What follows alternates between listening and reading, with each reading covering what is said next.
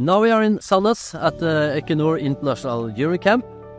This is a camp where we invite juniors from all over the world to train together, have uh, fun together, learn from each other, and make a good ski community.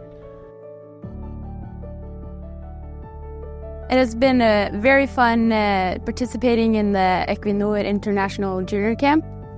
The main reason is because I've got to meet a lot of new people from all over the world.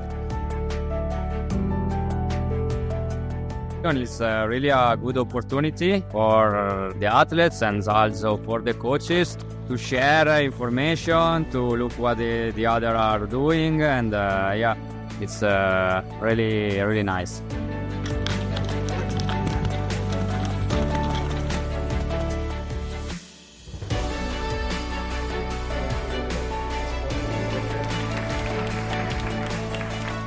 To be here. It's a great experience for our athletes. Last year we just watched on TV, so now we are here. It's a great atmosphere, a lot of spectators, very fun for athletes, and very great to be here. The competitions have been really fun with a lot of people cheering on, and it's really nice uh, to compete with athletes much better than me, which is uh, hard to find in the Estonian area.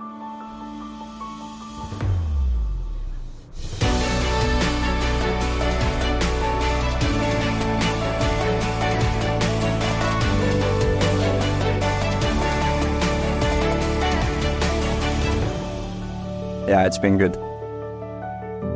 And it's been really inspiring.